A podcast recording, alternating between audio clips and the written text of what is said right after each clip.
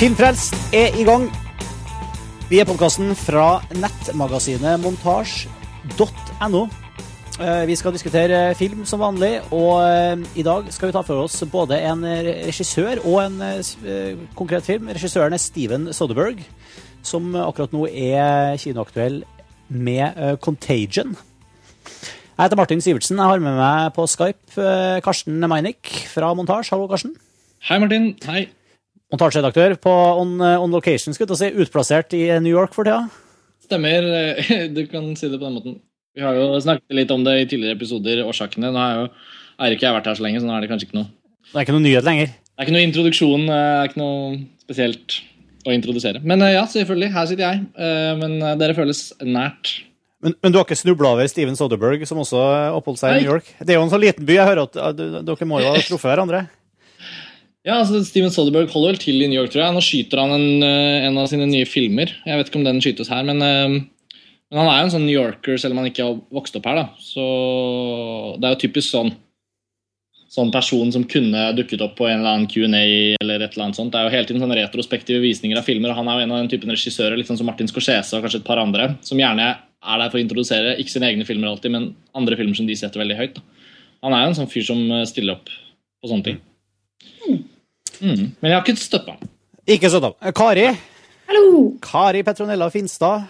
Du er on occasion location i Oslo. Ja. Ja. Det er gitt. Yes. Kom her.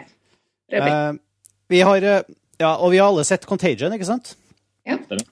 Jeg tror vi bare skal, før vi byr oss inn på en sånn generell prat om Steven Soderberg og eh, filmografien hans, så skal vi altså diskutere oss litt gjennom den nyeste filmen som vi nå Forhåpentligvis dere som hører på også har fått en sjanse til å se på kino. Eh, og hvis dere ikke har det, så kan det kanskje være en idé å eh, ja, vente med å høre podkasten her til dere har sett filmen, eller dere kan bare gi blaffen i det og, og høre på oss prate om likevel. Uansett, jeg spiller litt utdrag fra traileren først for å sette oss i stemninga.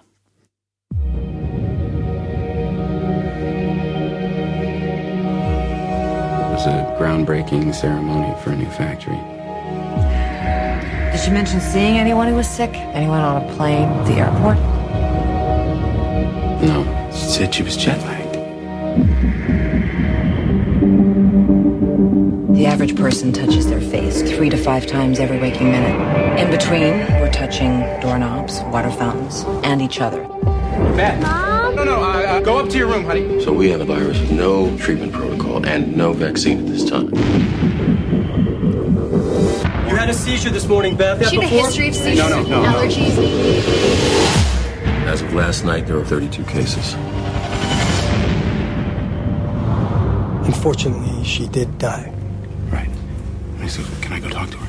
Mr. Amoff, your wife is dead. What are you talking about? What happened to her? What happened to her? Is there any way someone could weaponize the bird flu? Is that what we're looking at? Someone doesn't have to weaponize the bird flu. The birds are doing that. Watch this. It's transmission, so we just need to know which direction. Ok, vi skjønner poenget. Her er det global epidemi og alt som følger med. Oh, ja. Og det er jo en slags sjangerfilm også. Eh, I høyeste grad en sjangerfilm, synes jeg.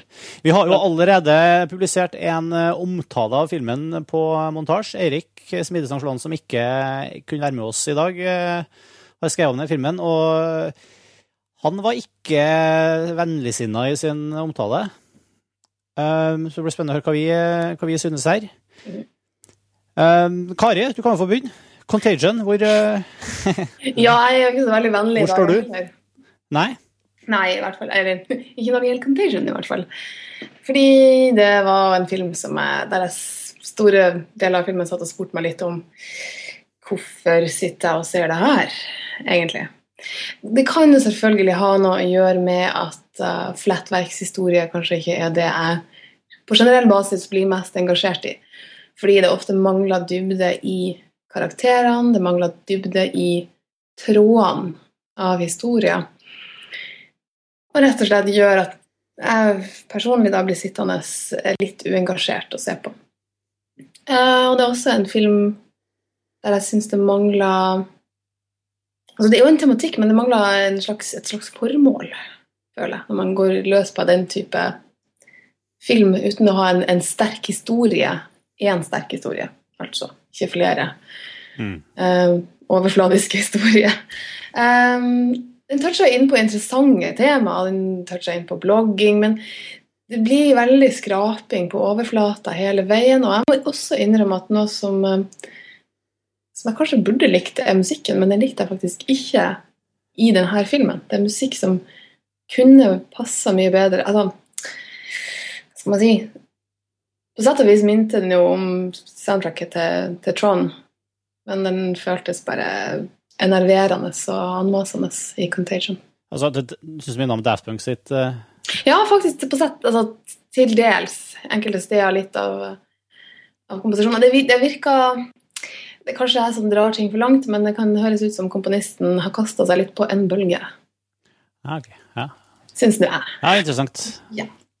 Jeg vet ikke helt Jeg, jeg klarer jeg nå jeg, Den sammenligninga dro jeg i hvert fall ikke da jeg så filmen, men jeg husker jeg reagerte positivt på musikken. eh, Jeg synes Musikk fungerte veldig bra. altså Den type musikk har fungert veldig bra i en del større filmer i fjor, særlig. Mm. Uh, kom det jo gode filmer som hadde man, altså, relativt lignende soundtrack. Jeg kan si at uh, elektronikaen og, og synten har på en måte gjort uh, sitt gjeninntog i filmen.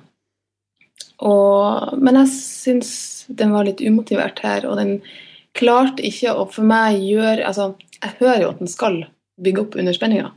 Mm. Meg gjorde den ikke det. Filmmusikken her er jo skrevet av han som, eh, som Tor Joakim på Montasjen nylig publiserte en, en lengre artikkel om. Cliff, Cliff Martinez, som har jobba på mange av Steven Soderberg sine filmer. Vi skal sikkert komme tilbake til å prate litt mer om musikken i Soderberg sine filmer, for han er jo Ja, det, det, de spiller jo en viktig rolle. Men det var fint å få din sånn umiddelbare oppsummering først, Kari. Så skal vi Så, men det, det Ja. som tilføyer, er jo det at har man lyst til å sitte og hate skuespillere litt, så kan man jo Contagion til det. Og man kan også bli gledelig overraska over at noen av de forsvinner etter hvert. For det er jo mange skuespillere her. Marion Cotillard og Lawrence Fishburne. Matt Damon, selvfølgelig. Mm. hvem er, Gwyneth Paltrow og Ja. Jude Law og Kate Winslet. Det er liksom ikke måte på hvor mange stjerner det er med her. Eh, Masse stjerner. ja, Karsten, hva syns du? Eh, nei, det er gøy å sitte og høre. Nå, nå har det gått en stund siden jeg så den filmen. Eh, Eirik og jeg var og så den på, på liksom fredagen den hadde premiere, på en stor kino ikke så langt unna Times Square i New York. og med full sal og popkorn og cola. Og. Det var egentlig den første sånn eh, reelle popkornopplevelsen jeg har hatt. I den forstand at kino og popkorn og store saler med fulle av folk i Amerika er liksom der det, der det har sin opprinnelse. på en eller annen måte. I hvert fall i mitt hode. Så Contagion, jeg hadde veldig høye forventninger og, og diskuterte jo filmen inngående sammen med Eirik eh, etterpå. Som resulterte i at han skrev en artikkel om den. Eh, Og vi var jo ikke veldig uenige.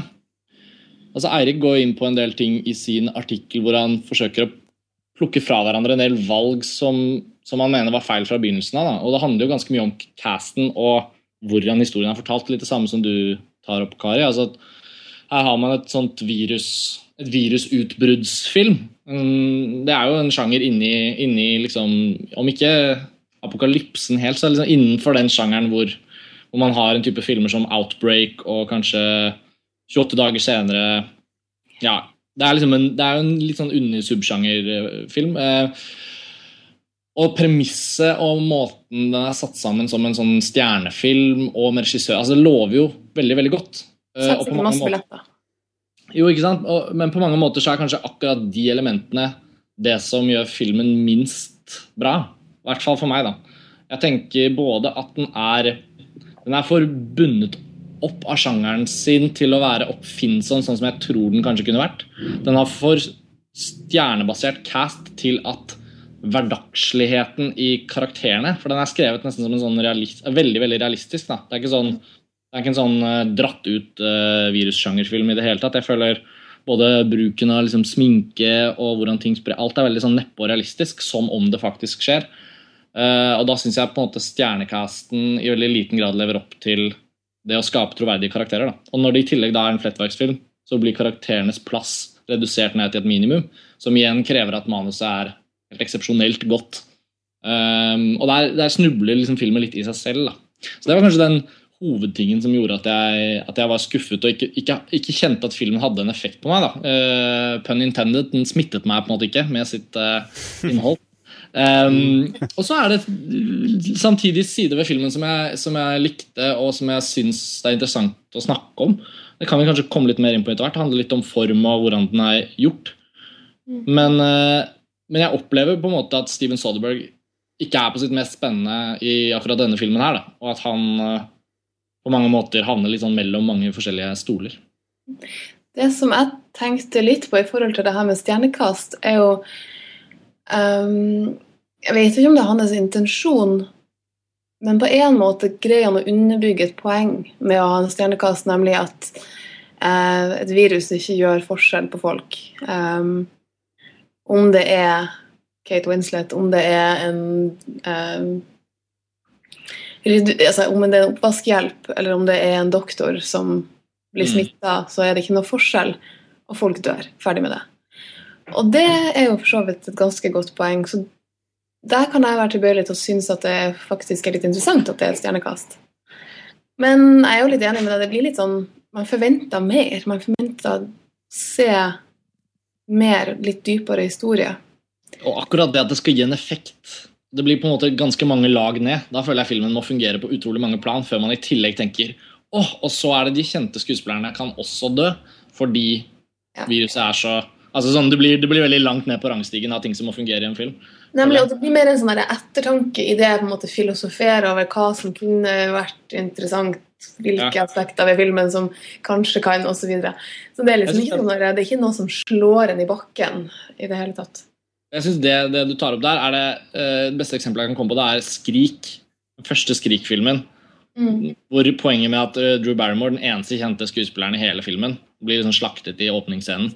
Og mm. da var det på en måte et poeng hvor man også skulle kritisere ja, ikke sant, sjangeren i seg selv. Da. Uten at det blir noe sidespor vi skal fortsette ned på. Men, ja.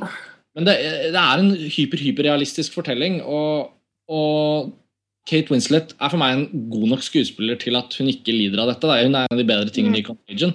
Men en skuespiller som Jude Law for eksempel, er helt meningsløst castet til en rolle som en slags sånn um, anarkistisk eh, blogger slash journalist som prøver å avsløre systemet. Altså, for meg ble det, Den karakteren ble jo fullstendig ødelagt både fordi Jude Law ikke engang klarte å spille den, men også fordi han er Jude Law. Han, er, han har ikke han har ikke blitt helt en karakterskuespiller, akkurat. Uh, en annen ting er at jeg syns den kar karakteren i seg sjøl er så dårlig skrevet. Jo, jo, absolutt. Kanskje kunne han ha tilført et eller annet, men det er liksom ingen det finnes ikke noe dynamikk der. Det finnes ikke noen flere lag. Han er så ensidig som altså, ja. Det er sjelden jeg har sett en så ensidig karakter.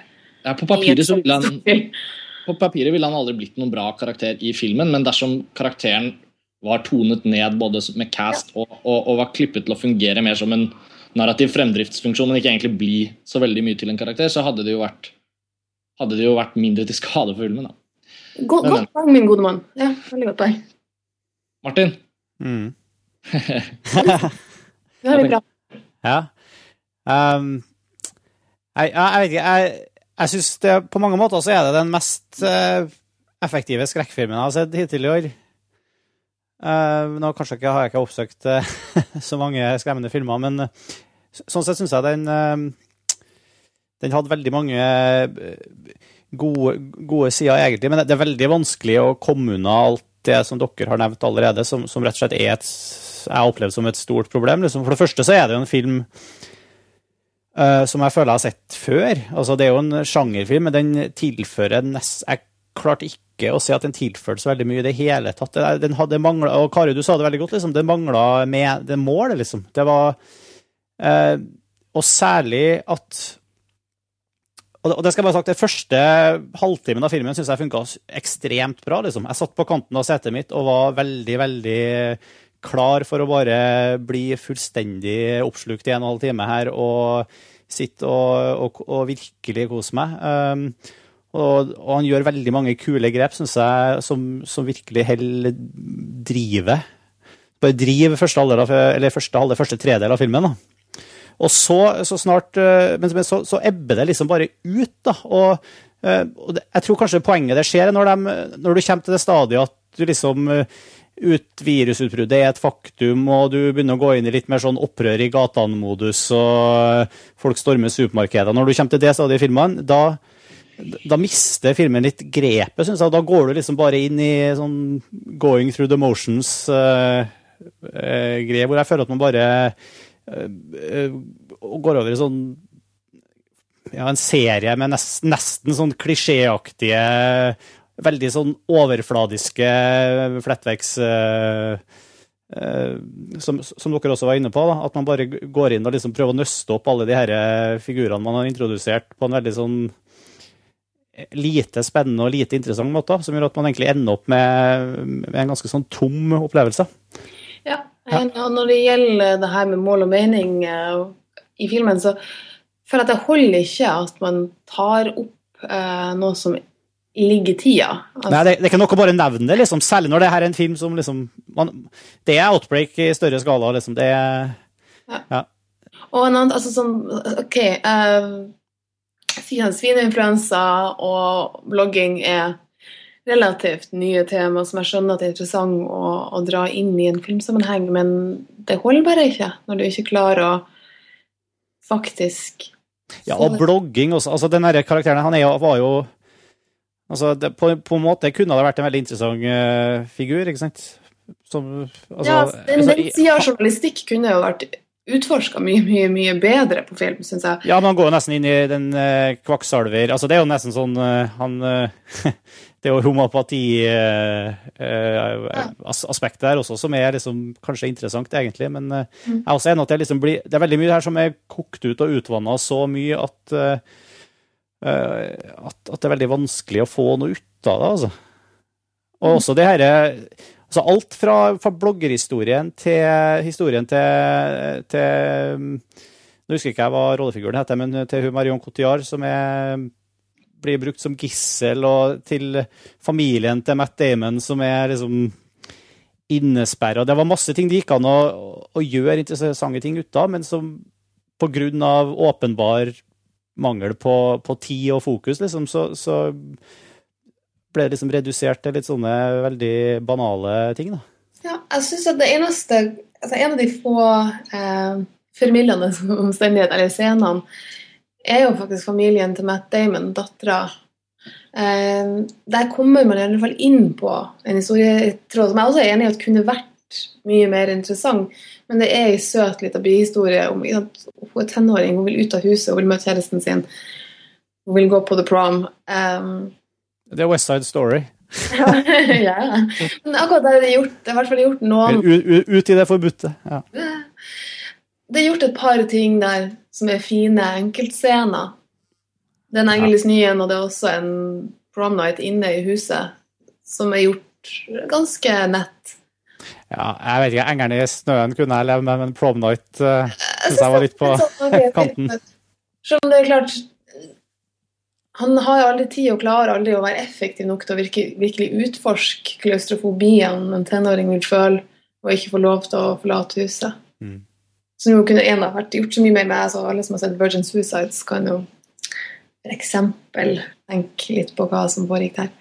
Jeg føler bare at da, da setter liksom sånne ting som det der i manuset satte i gang sånne nye filmer som skulle prøve å liksom, bringe inn noe varme eller et eller annet. Jeg, jeg, sånn Manusmessig så merket jeg underveis at jeg, jeg, ville bare filmen skulle være ordentlig brutal med meg. Altså, hvis den, den, den legger et premiss for en så realistisk og nesten skremmende skildring av hvordan et virus kan spre seg.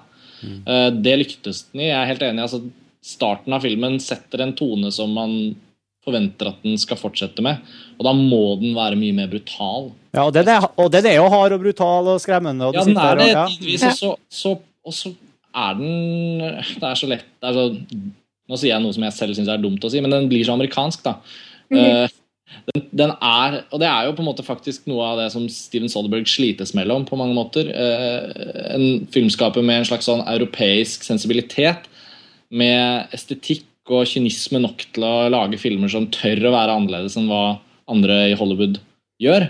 Men samtidig også en fange av et system som krever at han på et eller annet plan tilpasser seg. Jeg synes Contagion den er ikke et dristig nok prosjekt, fordi det er, alt for, det er jo et, det er en studiofilm. Han har jo ikke egentlig laget så mange studiofilmer i de siste årene.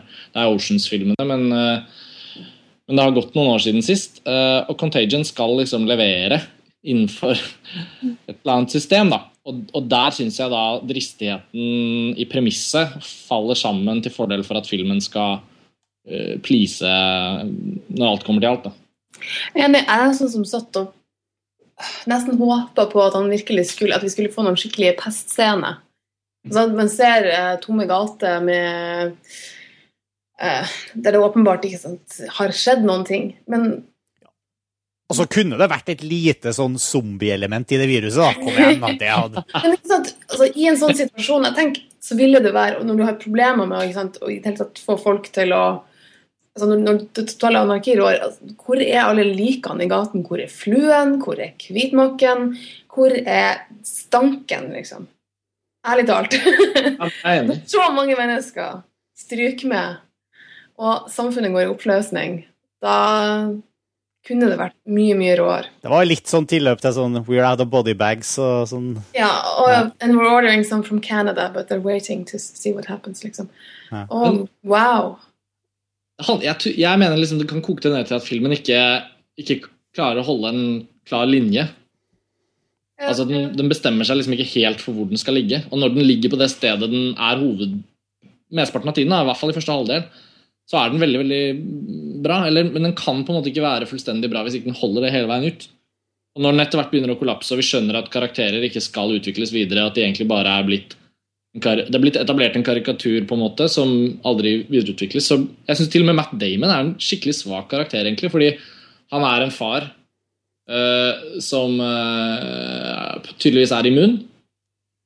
Og hvordan han forholder seg til ting, blir egentlig ikke utviklet videre ut fra det. Bortsett fra at han da skal liksom få en sånn sentimental makeup med datteren. Jeg husker en annen film som irriterte meg på det her, det var War of the Worlds til Steven Spielberg. Jeg vet ikke om dere husker slutten der?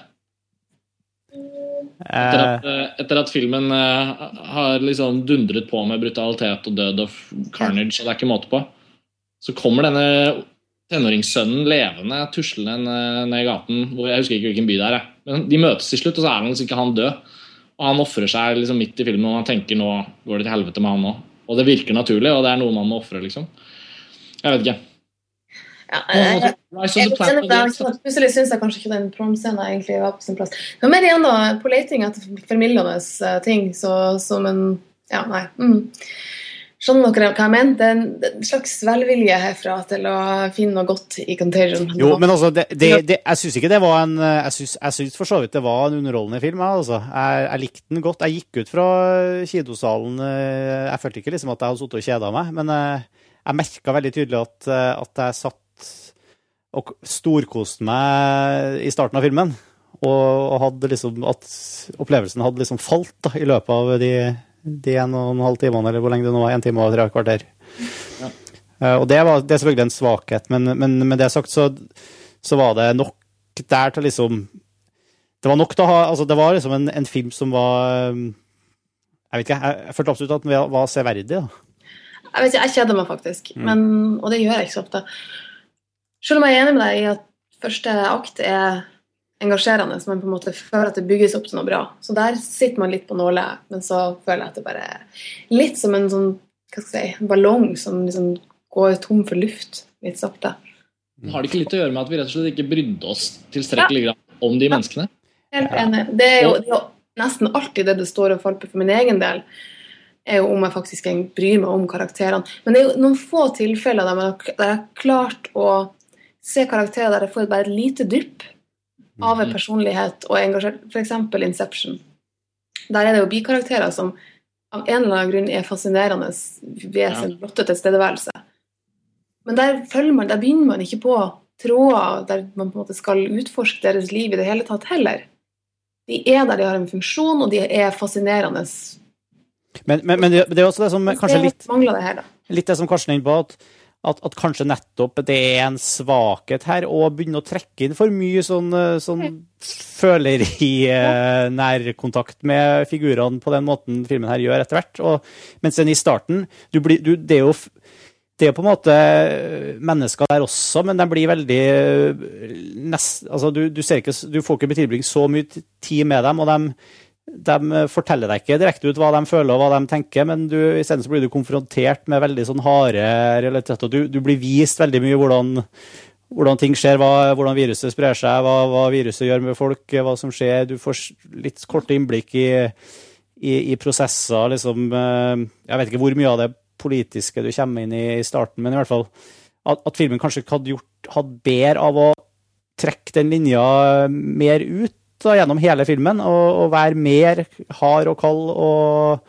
og herse med oss på et mer sånt uh, skremselsnivå enn er ja. enig. Jeg er enig med deg. Jeg tror Enten så må vi ha oppriktig empati med karakterene og bry oss om hvordan det går med dem. Eller så må vi bli så redde selv at vi bryr oss om hvordan det går med oss selv sånn i virkeligheten. Fordi filmen er så realistisk at den tar oss med ned liksom worst case At scenario. man ser på det som en slags sånn, sånn pseudodokumentarisk eh, Ja, men altså, det, det ville jo aldri blitt lagd av et Hollywood-studio på den måten. Da, hva, hvorfor lager man film da, tror jeg de ville sagt. Altså, vi må jo ha mennesker å bry seg om. Det er jo det de har prøvd. Eh, og det er jo forskjellige handlingstråder som jeg på en måte Jeg synes for eksempel de, de, de som forsøker å finne den kuren, de forskerne som sitter i, i laboratoriet der, og som ikke i så, i like stor grad er ute og uh, blir utsatt for fare så, Der, der, der syns jeg det var var liksom fine ting, og, jeg, og hun var veldig fint castet, hun ene. Eh, Jeg skrev opp navnet hennes bare for å huske å nevne henne, fordi hun er ikke så veldig kjent. Men, men, men ja. Ja, uansett. Eh, Så eh, ja. Nei, for altså, hvis, vi, for vi, hvis målet er å vekke følelser og tilknytning til figurene bare for å vekke følelser og tilknytning, altså, det føler jeg at allerede i starten altså når du, Det var noe av det sterkeste sånn opprørende greiene, er jo bare, i hvert fall som jeg opplevde, det var jo bare å se han eh, eh, figuren til Matt Damon miste eh, først kona si og så sønnen sin Mm. på den måten det skjedde. Og da hadde jeg jo da, jeg, da kjente jeg jo ikke rollefiguren i det hele tatt. Jeg hadde jo ikke hatt noe tid til å bli kjent, men allikevel så ble jeg jo enormt drevet med av det. Um, og så, så det var ikke noe vanskelig å vekke følelser. På, Det, akkurat det er jeg enig i. Så så kommer sånne helt unødvendige ting inn, spør du meg, som om hvorvidt hun hadde vært utro eller ikke. Det gir nå jeg meg blanke i, egentlig. Man kan si at det er en helt absurd situasjon å bli satt i, at kona di er død, og så oppdager du at det muligens er fordi hun har fått et virus fra ja, hun har hatt sammen. Men, men det er utrolig unødvendig i en film som det her, som, måte, der det må økonomiseres for at filmen skal fungere. Og det er det som er problemet til flettverkshistorie generelt. Altså, det gjør jo at Flettvegs-filmer er ekstremt vanskelig å skrive.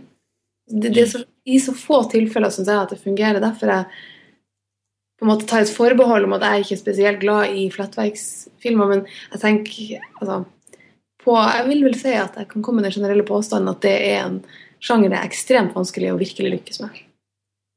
Mm, jeg er enig. Altså, altså, litt sånn artig, sånn som jeg, jeg husker ikke nøyaktig hva Erik eh, Hvilken beskrivelse Erik hadde på den rollefiguren til Kate Winslet, men eh, det var liksom Hovedmeningen, hans var at rollefiguren hennes var fullstendig respektløst behandla.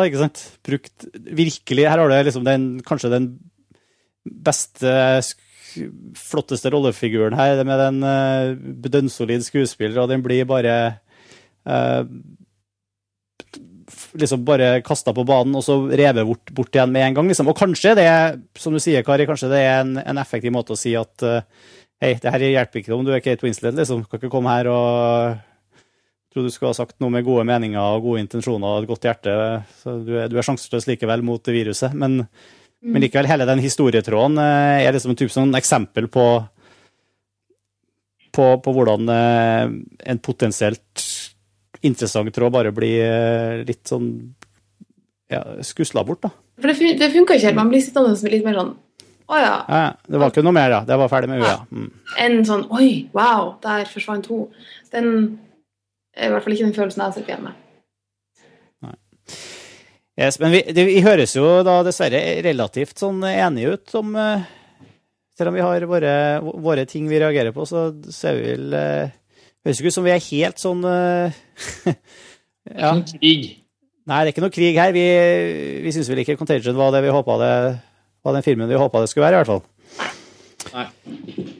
Og uh, Eirik uh, kalte jo Soderbergs 'Venners vennerfest'. Ja. Kar, kar, Ja, men jeg, tok, jeg lot være å lese artikkelen til Erik på forhånd. Ja. Jeg hadde lyst til å være den mest eh, mulig Jeg er jo sånn tror at mitt sinn er som en slags jomfru hver gang jeg skal snakke om film, men ikke. Eh, jeg gleder meg til å lese Erik sine ord. Hva han sa for noe om Anders Vennerfest? Ja, nettopp det at eh, han eh, har jo en Ja. Han har kasta alle vennene sine inn i filmen og på en måte latt det gå opp Eller alle sine Hollywood-kjendisvenner. At det handler liksom mer om å få mest mulig kjendiser inn i den Flatfax-historien. Det handler om å faktisk lage en god, en god, god film. Da. Og det er jo litt på en måte kanskje det vi sitter og sier, vi òg. På vår måte. Men, men det er jo en, kan være en grei innfallsport å kanskje forlate Contagion litt og prate litt mer om Soderberg generelt. For han er jo, og særlig i senere år, han har jo kjent for å lage filmer med eh, en lang, lang, eh, stor cast med Hollywood-kjendiser i seg. Um, og selv om han selvfølgelig, det starta jo ikke sånn, det starta jo med, eh, med Sex Lies and Videotape på Når var det? I to, eh, 1990 Nei, 1989. 1989, ja. 1989. Og der eh, starta vel egentlig med en ja, ja, vel med en videodokumentar for bandet Yes i 1985, men eh, Ja. som vi husker han starta Ah, det. men ble født. Ja, da var det jo liksom med James Spader og Andy McDowell. Det var liksom, men liksom han har jo etter hvert blitt kjent for å for bli god, lagd masse filmer med, med George Clooney og produsert en masse filmer. Han liksom virkelig blitt en sånn Hollywood-rytter, da. Um, men, men eh, for, vi kan liksom gå oss litt, bla, liksom, jobbe oss litt gjennom karrieren hennes, da. Men eh, før vi gjør det, få ta en kjapp runde og høre hver med hver enkelt av dere hva som er favoritt-Soderberg-filmen. Og Kari, jeg formoder at det ikke er Contagion, så, men du har vel kanskje en? Det var nok ikke det. Ja, si det. Hva er favoritten? Er... Jeg husker at jeg likte veldig godt Out of Sight når den kom. Jeg syns den hadde en sånn um... Altså, jeg likte musikken veldig godt av David Holmes, den var ting. Som la en sånn fin Den tørre trommelyden som la en sånn sensuell, lett tone gjennom hele filmen. Og det er en av de få filmene der jeg faktisk har likt J.Lo, eller det eneste gangen jeg tror jeg har sett J.Lo og faktisk likt noe av det hun har gjort. Uh, og jeg likte George Clooney veldig godt. Um, og det lå en sånn, en, en sånn fin sensuell vibrasjon i lufta i den filmen, som jeg likte veldig godt. husker jeg da jeg så den. Jeg har aldri sett den igjen senere. Um, og så, men det kan vi jo snakke om når vi kommer til en film underveis som ikke så veldig mange andre liker. Den kan vi ta når vi kommer dit. Ja, det var liksom Jennifer Lopez var jo liksom på, på, i skuespillerstadiet i karrieren sin. Ja, og det Var var ikke der det starta, da? Ja, med U-turn, tror jeg, så var jeg først, ja. Med, det Jeg husker jeg tenkte hun var en sånn skikkelig bra skuespiller som plutselig skulle begynne å synge sanger. Jeg synes det var veldig Ja. Hun husker det bare som popstjerne, og så hadde hun noen Ja. filmer hun spilte i en eller annen gang. Hun var jo egentlig danser først, da. Sånn for Ja, ja. Ja, fra dans til skuespill til popstjerne, og så ble hun bare Jeg syns det har gått dårlig med henne, men jeg er glad vi har de filmene som hun spilte i. som Ja, jeg likte jo som sagt den. Nei, helt enig. Out of Sight er jo, det er jo veldig sånn På overflata igjen, egentlig fryktelig sånn eh, Altså, det ser jo ut som en forferdelig film på alt før du faktisk setter ned og ser den og innser at den er faktisk drevne godt Uh, Altså, det er utrolig komisk timing, og den er stilig, og som du sier, bra soundtrack, og den har liksom Den er såpass godt gjennomført da, at det, det funker som bare det. Og den, den har karakter, og ja, jeg er helt enig. Det er en god film. Mm. Karsten, har du lengst unna sett Out of Sight? Eh, Nei da, den har jeg Nei? sett ganske mange ganger. Jeg, ja. syns det er en helt fantastisk film. Jeg. Um, jeg bestemte meg for at hvis noen nevnte Out of Sight, så skulle jeg bare si at eh, jeg ville sannsynligvis nevnt den òg. Men jeg vil heller nevne en annen. ok, Hvilken vil du nevne, Karsten? Nei, altså Jeg så jo Min første Steven Solberg-film var jo Out of Sight. Altså Den kom på et tidspunkt da jeg var i en alder hvor jeg drev og oppdaget en del regissører. Og, jeg var ikke der i 89 på en måte til å følge med på Sex Lies and Videotape. Um, så utenfor rekkevidde representerte jo en sånn type film som jeg bare tenkte jeg må finne ut hvem som har laget den. Jeg så mye film som jeg ikke tenkte på hvem det var som laget den. Jeg bare tenkte at det var kult, og så gikk jeg videre. Men de filmene som hvert fall sånn midt på 90-tallet, da jeg liksom definerte litt uh, filmsmaken min, og sånn, da jeg kjente veldig på hvilke filmer som hadde en sånn tydelig stemme. Og utenfor uh, rekkevidde, som jeg liker å kalle den, av en eller annen grunn, den har liksom, den har alt det. da. Den har så mye identitet som film, pluss at den er så underholdende, og den har et supercast, og det er en morsom sjangerlek, og den har så mye. Så det er favoritten min, men, men det, jeg tror ganske mange er liksom veldig sånn trygge på den. Jeg føler den er liksom Soderbergs hjørnesten. men en film som kanskje altfor få har sett, og som jeg virkelig digger. Det er en film han lagde for noen år siden som heter The Girlfriend Experience. Som eh, kom i 2009. Uh, og som er en del av Soderbergs liksom, pågående eksperiment med å gjøre en stor film og gjøre en liten film. Sånn om hverandre. Hva var den store mm. Nei, altså, han, han, gjorde Han gjorde to lange filmer om Che Guevara som heter Skje, som er kanskje bare én film, men som er delt i to som jeg har ment å se, men som jeg skjønner at jeg skal ha seks timer til å se, og da må jeg på en måte sette meg ned og finne tid til det. Det har jeg faktisk ikke gjort, så jeg har ikke sett sjefilmen hans. Men etter at han hadde laget dem, klippet dem frem til dagen før premieren i Cannes, og premiere i Cannes og utslitt regissør, så gikk han tilbake til et prosjekt han satte i gang noen år før. Han gjorde en film som heter Bubble i 2005, som også er veldig bra og interessant, og ingen så. Eh, så etter Skje så tok han et uh, manus som sannsynligvis lå der, som han visste kanskje at var eh, et alternativ. Jeg, jeg, vet ikke helt historien bak det. Men uh, høsten 2008 så skjøt han denne filmen The Girlfriend Experience. og Den ble filmet i New York parallelt med at finanskrisen fant sted. Og Da den hadde premiere i 2009, så fremsto den egentlig som en periodefilm satt til 2008 i New York. Det handler om en luksusprostituert som spilles av pornostjernen Sasha Gray, som uh, har et um, et godt kjæresteforhold til en ung fyr som jobber som personlig trener. Han jobber som personlig trener for på en måte finansfolk, og hun jobber som luksusprostituert for finansfolk. og De lever en slags hverdagsliv hvor de går på jobb hver til sitt og egentlig selger kroppslige tjenester. Filmen klarer liksom å tvinne sammen på en eller annen merkelig måte en fortelling om kapitalisme og forskjellige nivåer hvordan den fungerer og plasserer folk i forskjellige stillinger i samfunnet. Bra eller dårlig, moralsk eller ikke-moralsk, men det er likevel en del av det hele. Og De visste ikke da at finanskrisen kom til å finne sted, men den fant sted i 2008 mens de filmet.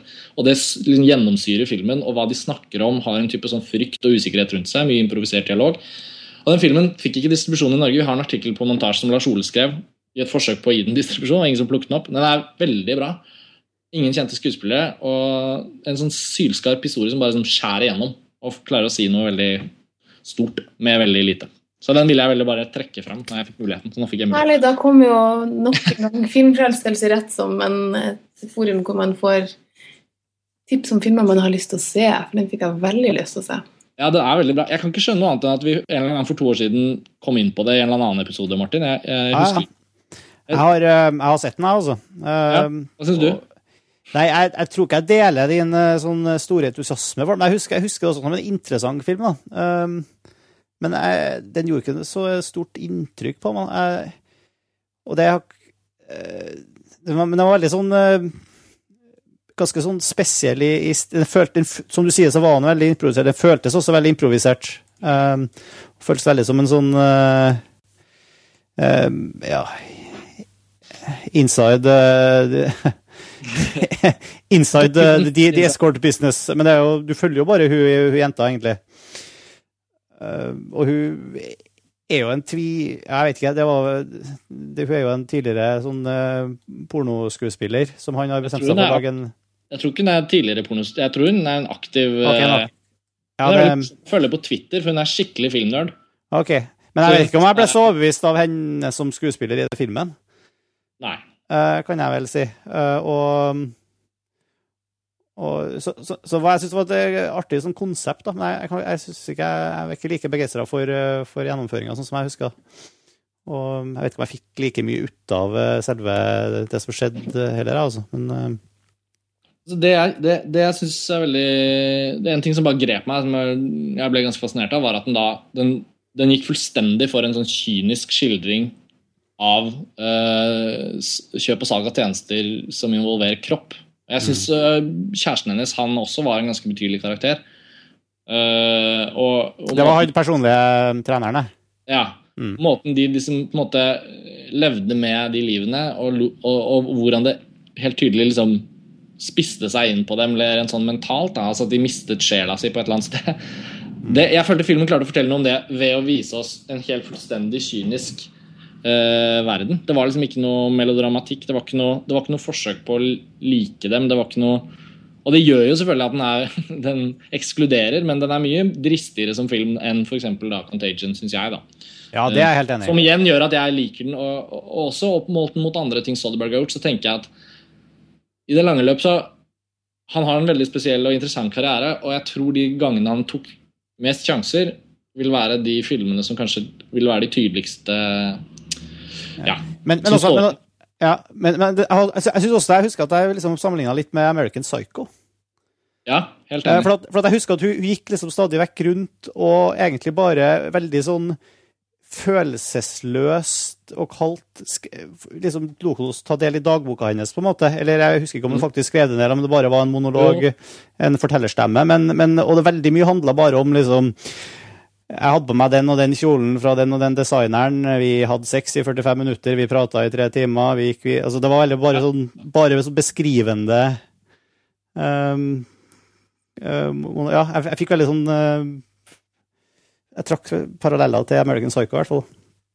Ja, nei, men jeg er enig. Som sånn konsept. Eh, Men uten vold og uten altså den, Jeg syns den klarer å si veldig mye om det den skildrer, uten å vise Den viser jo ikke noe grafisk sex. Det er jo ikke noe Den går, den går jo ikke liksom løs på oss med knallharde virkemidler, da. men den klarer faktisk å sette oss opp overfor mennesker man kanskje ikke ville like å høre om, fordi man forholder seg liksom ikke til den delen av samfunnet. Eh, ja. Nei, Så jeg setter veldig pris på den filmen, så nå fikk jeg trukket den fram. Det var, føltes bra. Ja, det er bra. Og i hvert fall mye mer, eh, mye mer interessant enn en Contagion. Ja, det, det syns jeg er opplest og vedtatt. Jeg er jo eh, mye mer eh, kjedelig i mitt eh, valg av favoritt-Soderberg, for jeg er veldig glad i hans Oscar-statuevinnende film, Ja, som er Traffic. Traffic. Traffic. Det er ikke så vanskelig å stille seg bak, eh, bak det å trekke fram den. Det er ikke så vanskelig. Og um, jeg, jeg husker jeg så den da den kom og var, ble veldig imponert. Jeg har sett den eh, ja, et par Jeg så den også noe nylig eh, kjølvannet av at vi skulle ta opp denne episoden her igjen. Og sett det vel tredje gangen. Det er i hvert fall en, eh, en Egentlig så så er det også en film som på mange måter som minner litt om eh, om eh, Contagion, i, i at den tar for seg liksom relativt store problemstillinger, og den gjør det ved å uh, fortelle personlige historier. Og, og kommer ganske tett men, det, men i motsetning til Cottage da, så klarer den her å komme veldig tett innpå de hovedpersonene den handler om. og og den er, den er rett og slett eh, har, den er rett og slett bedre skrevet, og den har en mye mer eh, Mye større nerve, da, føler jeg. Mm. Um, Helt enig med deg der. Det er faktisk en så Selv om det er flere altså historier historie som utforsker flere karakterer, så greier man faktisk å bry seg om hva som skjer med dem. ja, og både på Rett og slett helt enig, mye bedre Ja. skrevet, først og fremst. Og, og både på liksom det nære mellommenneskelige, men også på liksom det storpolitiske og, og, og alt, alt imellom, egentlig, som, som også Contagion prøver på, men ikke får til. Ja, og den har jo også en, en del interessante dilemmaer som Rett og slett fordi at man, man begynner å bry seg om menneskene. Mm. Man blir engasjert i, man begynner å stille spørsmål underveis om hva som faktisk er rett og galt, ut ifra politiske ståsted, men også ut ifra menneskelige. Og igjen med, med toppskuespillere i casten, og det er ikke noe Så her har du jo liksom eh, Ja. Her er det jo eh, Benicio del Toro og Michael Douglas og kona Catherine Zita Jones og du Det har litt interessant, for det er jo noen skuespillere som jeg kanskje sånn på generell basis ikke er så glad i. Jeg er ikke så glad i verken Catherine Zita Jones eller Michael Douglas, egentlig. Jeg synes de er litt sånn de har et, Men det som er interessant, er de har et eller annet litt sånn uspiselig ved seg. Ja, men hun spiller jo en litt uspiselig figur òg, så det er jo Men, men, men, men de, de blir selv de uspiselige figurene blir gjort spiselige på en måte i, i Traffic. Og Don Cheadle, også en eh, som også er fantastisk i Out of Sight, husker jeg. Ja, veldig. Han er jo kjempekul der. Han spiller også eh, flott rolle i Traffic, og Nei, han er jo en kongefyr. Og Det kan jo sies om Soderberg at han eh, bedriver disse venners venners-festene og bladibla når han ikke lykkes så godt, men det skal også sies at han har et utrolig god omgang med, med skues, store amerikanske Hollywood-skuespillere. Få dem inn i, inn i eh, fortellinger som, som kanskje ofte handler mer om ting enn de andre filmene deres handler om. Da. Bare hva han får ut av casten i Traffic, er ganske imponerende. Jeg, føler, jeg husker det nesten mest av alt som en sånn skuespillerfilm, hvor utrolig autentisk den var. Og med Benicio del Toro som kanskje det beste eksempelet, men også Michael Douglas. Uh, og hun som spiller datteren til Michael Douglas, husker jeg gjorde veldig inntrykk. Og Og, ja, Louis Guzman. Ja, det var mange.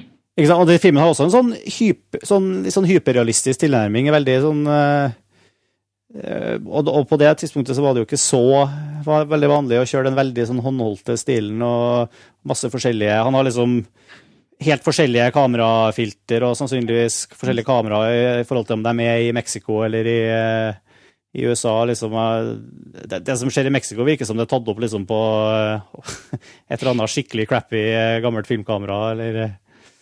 Men, ja, det var, og det som jeg synes er fint, det er en ting som vi må komme inn på når det gjelder Soderberg, det er at han i stor grad fotograferer sine egne filmer. Han er også leken. Det virker som han Ja. leker seg veldig med. Ja. Han tillater seg selv denne friheten. I Traffic så er sånn Jeg har litt lyst til å se den igjen, for jeg husker jeg var litt delt. På den ene sida så syns jeg det var, det var leken, og det var interessant foto som skifta, og var ganske eh, store skiller, men innimellom føltes det også litt billig, noen av løsningene. Men det var bare sånn mitt personlige syn kanskje på å bruke veldig mye sånn sepia-toner og den type ting, da. Ja. Han, lar, han har det derre altså Det blir litt mer generell samtale, vi kan kanskje komme dit mer senere. Men jeg, jeg, han har jo en utrolig interessant holdning til estetikk. Altså, Mm. hva, hva er det som skal drive en film? Han, han, han tør å starte med Jeg føler at hvert fall han tør å, å jevnlig altså, Jevnt over så starter han med historiene og hva de skal handle om. Jeg tror han har sagt noe om selv også, at han ønsker å ta utgangspunkt i hva en film er, og så definere hvilken estetikk han ønsker å gi den historien, istedenfor at han selv skal gjennomføre sin stil og lete etter historier som passer han. Og Det gjør jo at han fremstår som en ganske sånn vital og interessant fyr som har gjort veldig mye forskjellig og rart. Og Det er jo fordi at han åpner seg opp for hver film. Og det kan gå til helvete med det, men han gjør i det minste det. Det syns jeg også var det beste med Contagion. altså at Det som fascinerte meg aller aller mest, var det enkeltelementet som lå i hvordan kamera og klippingen hadde en slags sånn øh, Nesten som en sånn struktur hvor det, hvor det, hvor det smittet. altså hvor det de prøvde å gjenfordele, hva sånn som jeg tolket det, hvordan viruset forflyttet seg. Det ble også liksom overført i bildene, særlig i begynnelsen med alle disse nærbildene. En finger på et bord, øh, en, en, et hånd, dørhåndtak. Øh, Veldig mange sånne sammensetninger av bilder som ledet til en sånn tematisk skildring. Uh, og, det, og det var jo et valg han gjorde for Contagion sin del. Og så i andre filmer så har han gjort helt andre valg og lekt med narrative ting og i, utenfor rekkevidde, hvor han leker så mye med å fryse bilder og hoppe frem og tilbake. Og, også i Traffic, hvor han da bruker forskjellige filmtyper og grader det i forskjellige varianter for å skape veldig sånn blå, kald eller grønn, varm. Altså han, han leker virkelig, sånn som du sa i stad. Altså det, det er egentlig illustrerende ord på han som filmskaper, som igjen de beste tilfellene gir veldig mye til oss som publikum. Og, og leket er vårt ord, eh, men jeg vet jo igjen at nå jeg skulle ønske at Eirik var her igjen, for liksom, men han bruker ordet smakløs. Som er at, at han gjør så mye at, at, at det mangler at, at man kan si at liksom, det mangler en litt sånn eh, helhet i, da. Ja, det er jo en kjemperisiko, selvfølgelig, på en måte, hvis, i møte med å bli vurdert. og jeg, og jeg, det er, På en måte så er det like lett å skryte av Soderberg som det er å kritisere ham. Man har, man har rett begge gangene, på en måte. Ja. Fordi, fordi ved å ikke ha Ved å ikke på en måte sette en tydelig ramme for, for, for hva slags filmskaper han er, så, så er han i, det, ene, i det ene øyeblikket en veldig tåpelig fyr, og i det andre øyeblikket en smågenial fyr. Og så får han såpass mye honnør for arbeidet sitt, men det rimer jo ikke med Soderberg på sitt dårligste. Så at da Jeg vet ikke. Jeg tror det ligger litt der, i hvert fall for meg. Da. Jeg tror kanskje Eirik ville helt sikkert formulert det mye hardere, men Men det er jo litt, det, altså, jeg vil tro at Eirik ville sagt at Soderberg er svak som regissør. Fordi at han ikke Eller skal ikke jeg legge ord i Eirik? Nei, nei. Litt av poenget er jo Selv, for det stemmer jo. Det, Men det har jo ingen retning, sånn sett, kan man si. Og det er jo det en- a director supposed to have a direction, right? Uh, Hey. It's supposed to give direction. yes. Men sånn på generell basis så eh, man, har man forventer man ofte at en regissør skal ha en slags retning, en stil, en klar stemme. Uh, mens igjen, jeg er helt enig med deg. Man kan si at Både svakheten og styrken kan ligge i hans lekenhet. Han, han utforsker ting og, og flytter alt og fram på de. Um, og tør å kaste seg på løsninger som noen kanskje vil synes er billig, mens andre synes at det er dristig. Jeg føler vi har en veldig god innfallsvinkel til å starte med å ta en kjapp gjennomgang av filmografien hans nå. Fordi på årsaken, årsaken til at han får et gjennombrudd den gangen er jo åpenbart fordi han, han var jo da allerede veldig ung. Han var 26 år gammel da han lagde 'Seks løgn og videotape'. Og han hadde Gullpalmen i Cannes. Altså, det er ingen regissører som har hatt en bedre start på karrieren sin. på en måte, I hvert fall ikke av de amerikanske regissørene de siste 30 årene. Men med, men med den filmen så gjør han jo egentlig det. Karrieren hans er allerede i gang med det der. Han har kanskje ikke fått laget en film ennå, men han er likevel ung, så han kan ikke gå og si at jeg burde ha fått laget en film. Men for å bryte igjennom, for på en eller annen måte å si til verden at her er jeg, dette er det jeg er i gang med, lager han en film som, som kanskje ikke er nyskapende, men som i hvert fall er dristig nok til å introdusere noen formvalg og noen tematiske ting som folk blir oppmerksom på, og som har en effekt. Og det er jo det han har egentlig fortsatt med hele tiden. Mm. Jeg syns jo det er Jeg har jo litt å snakke om, for den filmen som jeg nevnte i sted at jeg har lyst til å komme inn på, er en film som har kommet veldig i skyggen av eh, Sex, løgn og videotipp, og som nok mange liker mye dårligere, er nemlig hans neste film, 'Kafka', som kom i 91. Der er han jo også sånn rent fotografisk eh, Det er ikke han som har fotografert den, men der han bruker noe så drastisk som forskjell, altså som, som svart, hvitt og farge i en overgang. Han skifter mellom de to som et virkemiddel, som jo er Ja, hva skal jeg si I filmverden ganske voldsomt, kan man vel si. Um, ja. Hvordan fungerer det? Altså, jeg har ikke sett den filmen. Jeg har dessverre er, ikke fått det som jeg må snakke om her, er jo film i kontekst. Fordi Kafka er en sånn film som jeg så når jeg var Jeg gikk på barne- eller ungdomsskolen. Jeg vet ikke, jeg tror så den neppe i 91, men en eller annen gang tidlig på 90-tallet i alle fall. Tippa vi leide den på Moviebox, eller så den på skolen. Jeg var jo sånn barn som slukte Kafka altså, som i leste prosessen i friminuttene på skolen. Eh, Som, som vi alle gjorde, selvfølgelig. Ja, Selvfølgelig. Jeg regna med det. Nei, jeg var jo et litt sånn nesevist og forstå seg på-barn som Men jeg som helt oppriktig likte å lese bøker, da. Så derfor så var jeg vel veldig engasjert i Kafka som forfatter i det jeg så filmen Kafka, og syns nok derfor at den var veldig spennende. Likte også Jeremy Irons som skuespiller. Og syns jo det var spennende å se noe som var så annerledes. eh, som brukte så sterke virkemidler det er vanskelig for meg nå å erindre hvordan filmen egentlig er som helhet, som, som filmhistorie. Sånn at da burde jeg jo se den på nytt, for den vil ha blitt kritisert for. Altså, jeg vil vel tro at mange syns at en blander sammen for mye av Kafkas liv og hans verk. Eh, jeg husker at jeg satt igjen med en veldig eh, Jeg var imponert over måten han klarte å blande de to på, da jeg som barn. Men, men meg som voksen ville jeg kanskje ikke nødvendigvis synes det samme. Så det var vel min fundering over Kafka. Jeg syns den alltid har sett ut som en veldig interessant film. og på Den ligger jo det litt sånn på lista. Soderberg for meg er en regissør man burde egentlig sette seg ned og se alle filmene til, for det er aldri helt uinteressant, selv om det er skikkelig ræva. Eh, men det jeg har lest, er at Soderberg selv og jeg, på en måte nå i nyere tid så har han uttalt hvor glad han var for at han fikk et gjennombrudd i en tid hvor det faktisk var mulig å feile uten å bli helt kasta ut på en måte av, Hollywood. For etter Sex, løgn og videotape så lagde han en er det vel fire, tre eller fire filmer i hvert fall som, som ikke har nådde et stort publikum, og som hadde høyt budsjett, og som var liksom failures, da, på en måte. Kanskje de er bra, og man kan analysere dem nå, men da de kom på kino, så var det, var det ikke, levde de ikke helt opp til forventningene. Men da Nei, har han selv ment at han, at han fikk utforske, da, at han fikk teste ut og et, egentlig etablere det vi snakker om eh, i løpet av de filmene der. Så de er nok veldig viktige for ham, tror jeg. Og derfor er det jo kanskje viktig å snakke ordentlig om dem og, og få tak i dem og se dem. Så jeg har veldig lyst til å se Kafka. Gøy å høre at du satte så pris på den da du var yngre. Ja, jeg, har litt, jeg, sånn at jeg har lyst til å se den igjen, men gleder meg og gruer meg litt. Fordi jeg sannsynligvis ville tenke å ja, ok, det var kanskje ikke så bra. Men uh, prøver å ta den for det den var der da, i hvert fall. Ja, det var, jeg har ikke, heller ikke fått Jeg har sett bruddstykker. Jeg, jeg vet at den er tatt opp i, i Praha.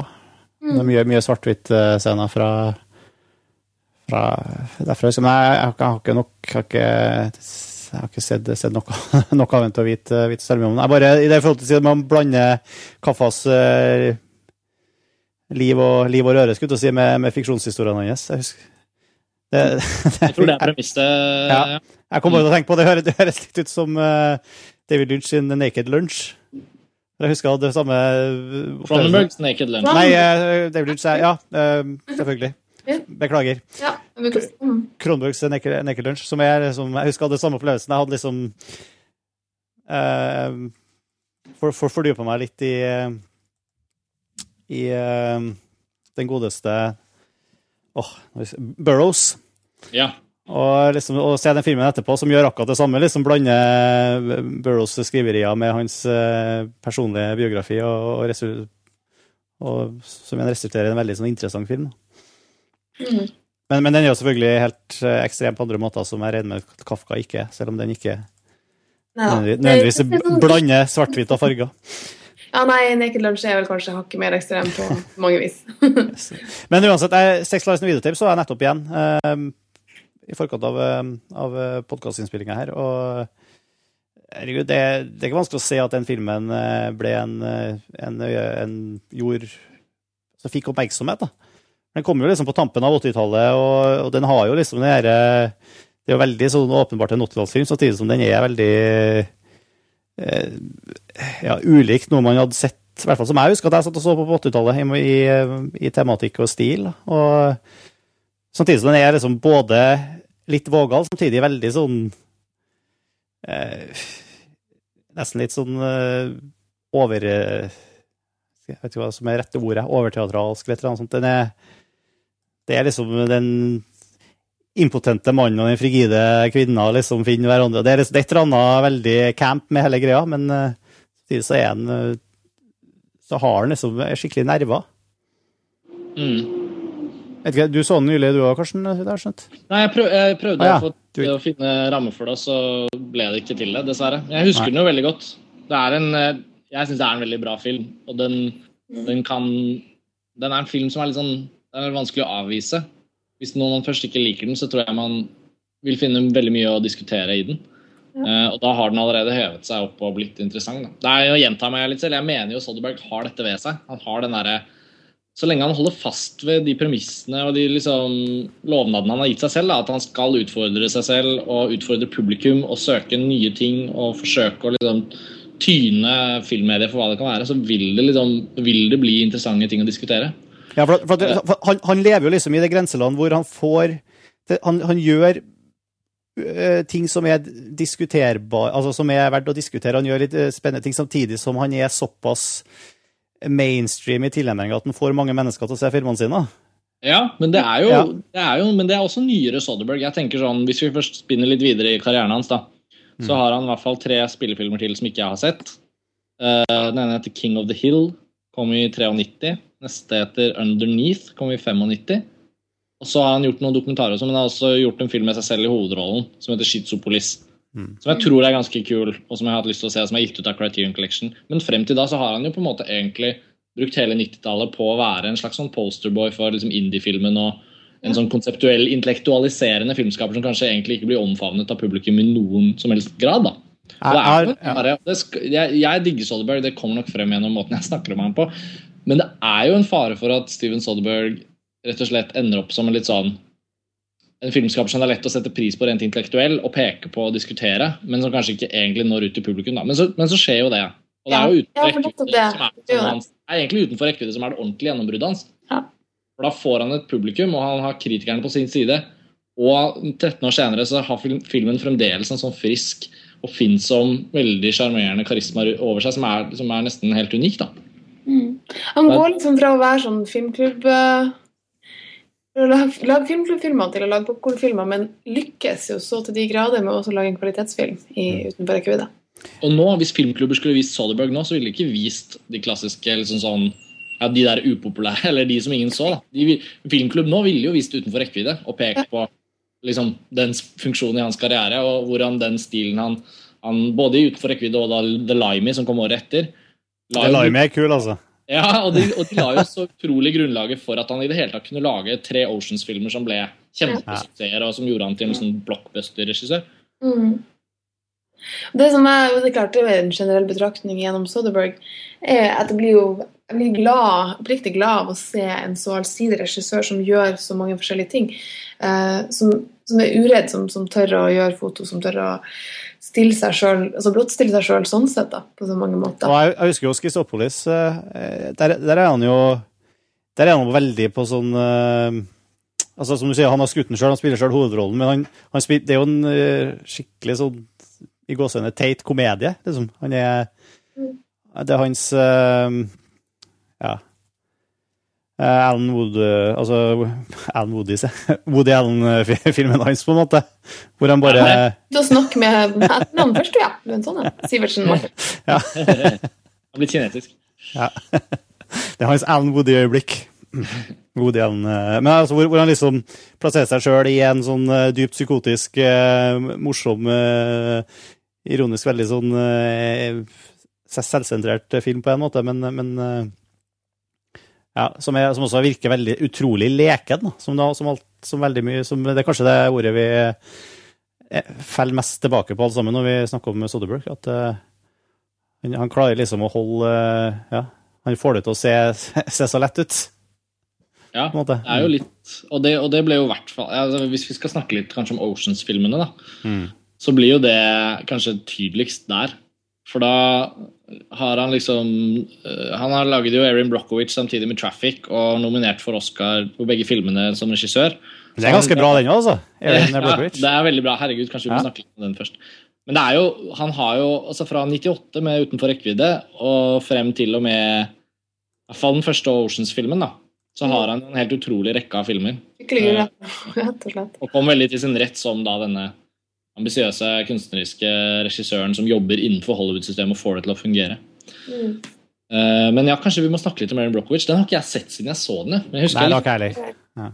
jeg husker jeg, husker jeg hadde en litt sånn derre Jeg syns eh, Julia Roberts var en sånn irriterende filmstjerne. Ja, hun, hun var jo helt på høyden, da. Eller, eller, ja, liksom, ja, med ja. Notting Hill året før. Eller, altså, sånn, det var liksom, hun eide jo 90-tallet. Uh, og Erin Brockovich var jo på en måte kulminasjonen av en retning hvor hun ville liksom bli tatt med på alvor. da.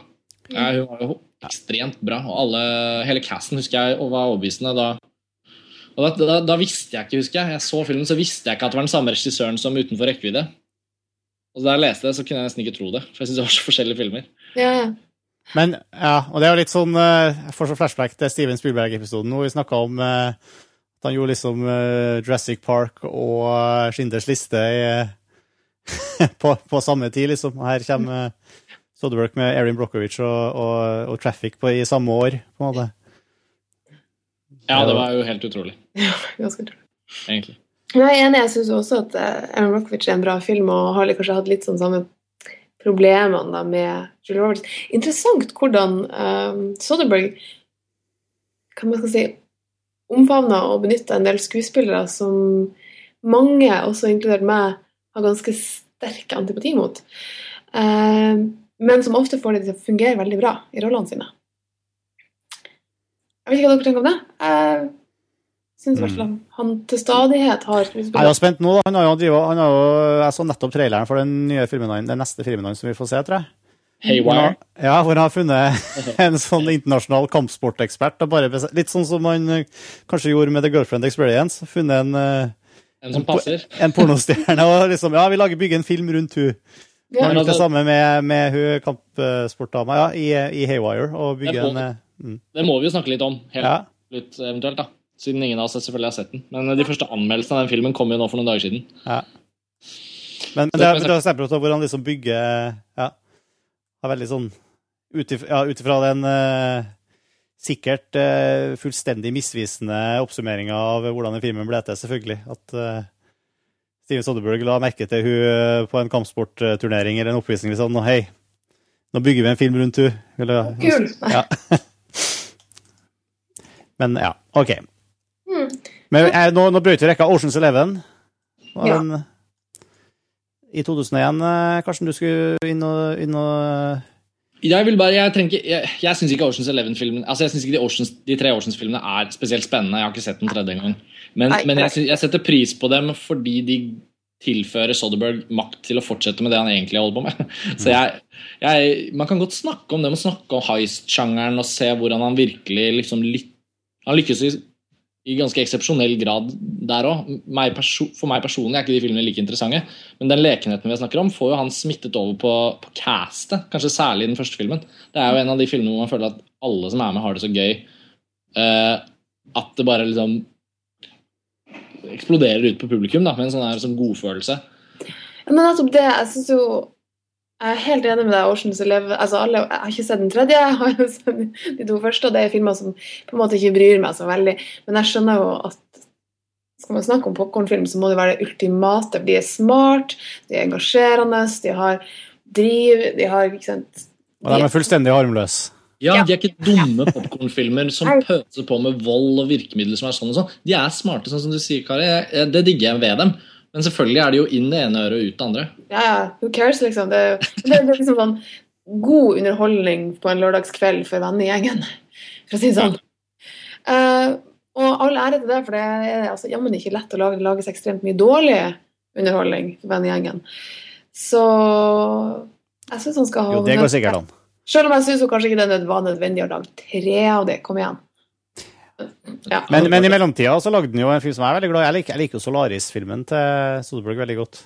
Ja, det, det, det, blir, det er gøy å snakke om, for den, jeg kan melde med en gang at jeg ikke har sett den. Eh, det, er fordi jeg ikke har sett, det er fordi jeg ikke har sett Tarkovskijs original. Nei, men det er samme her! Ja, jeg, jeg, har, jeg, sett, jeg har sett begge to, og jeg må si at jeg, jeg har minst like mye glede av å se Soderberg sin. Altså. Ja, altså, jeg dere skulle snakke om det her liksom, i det uendelige.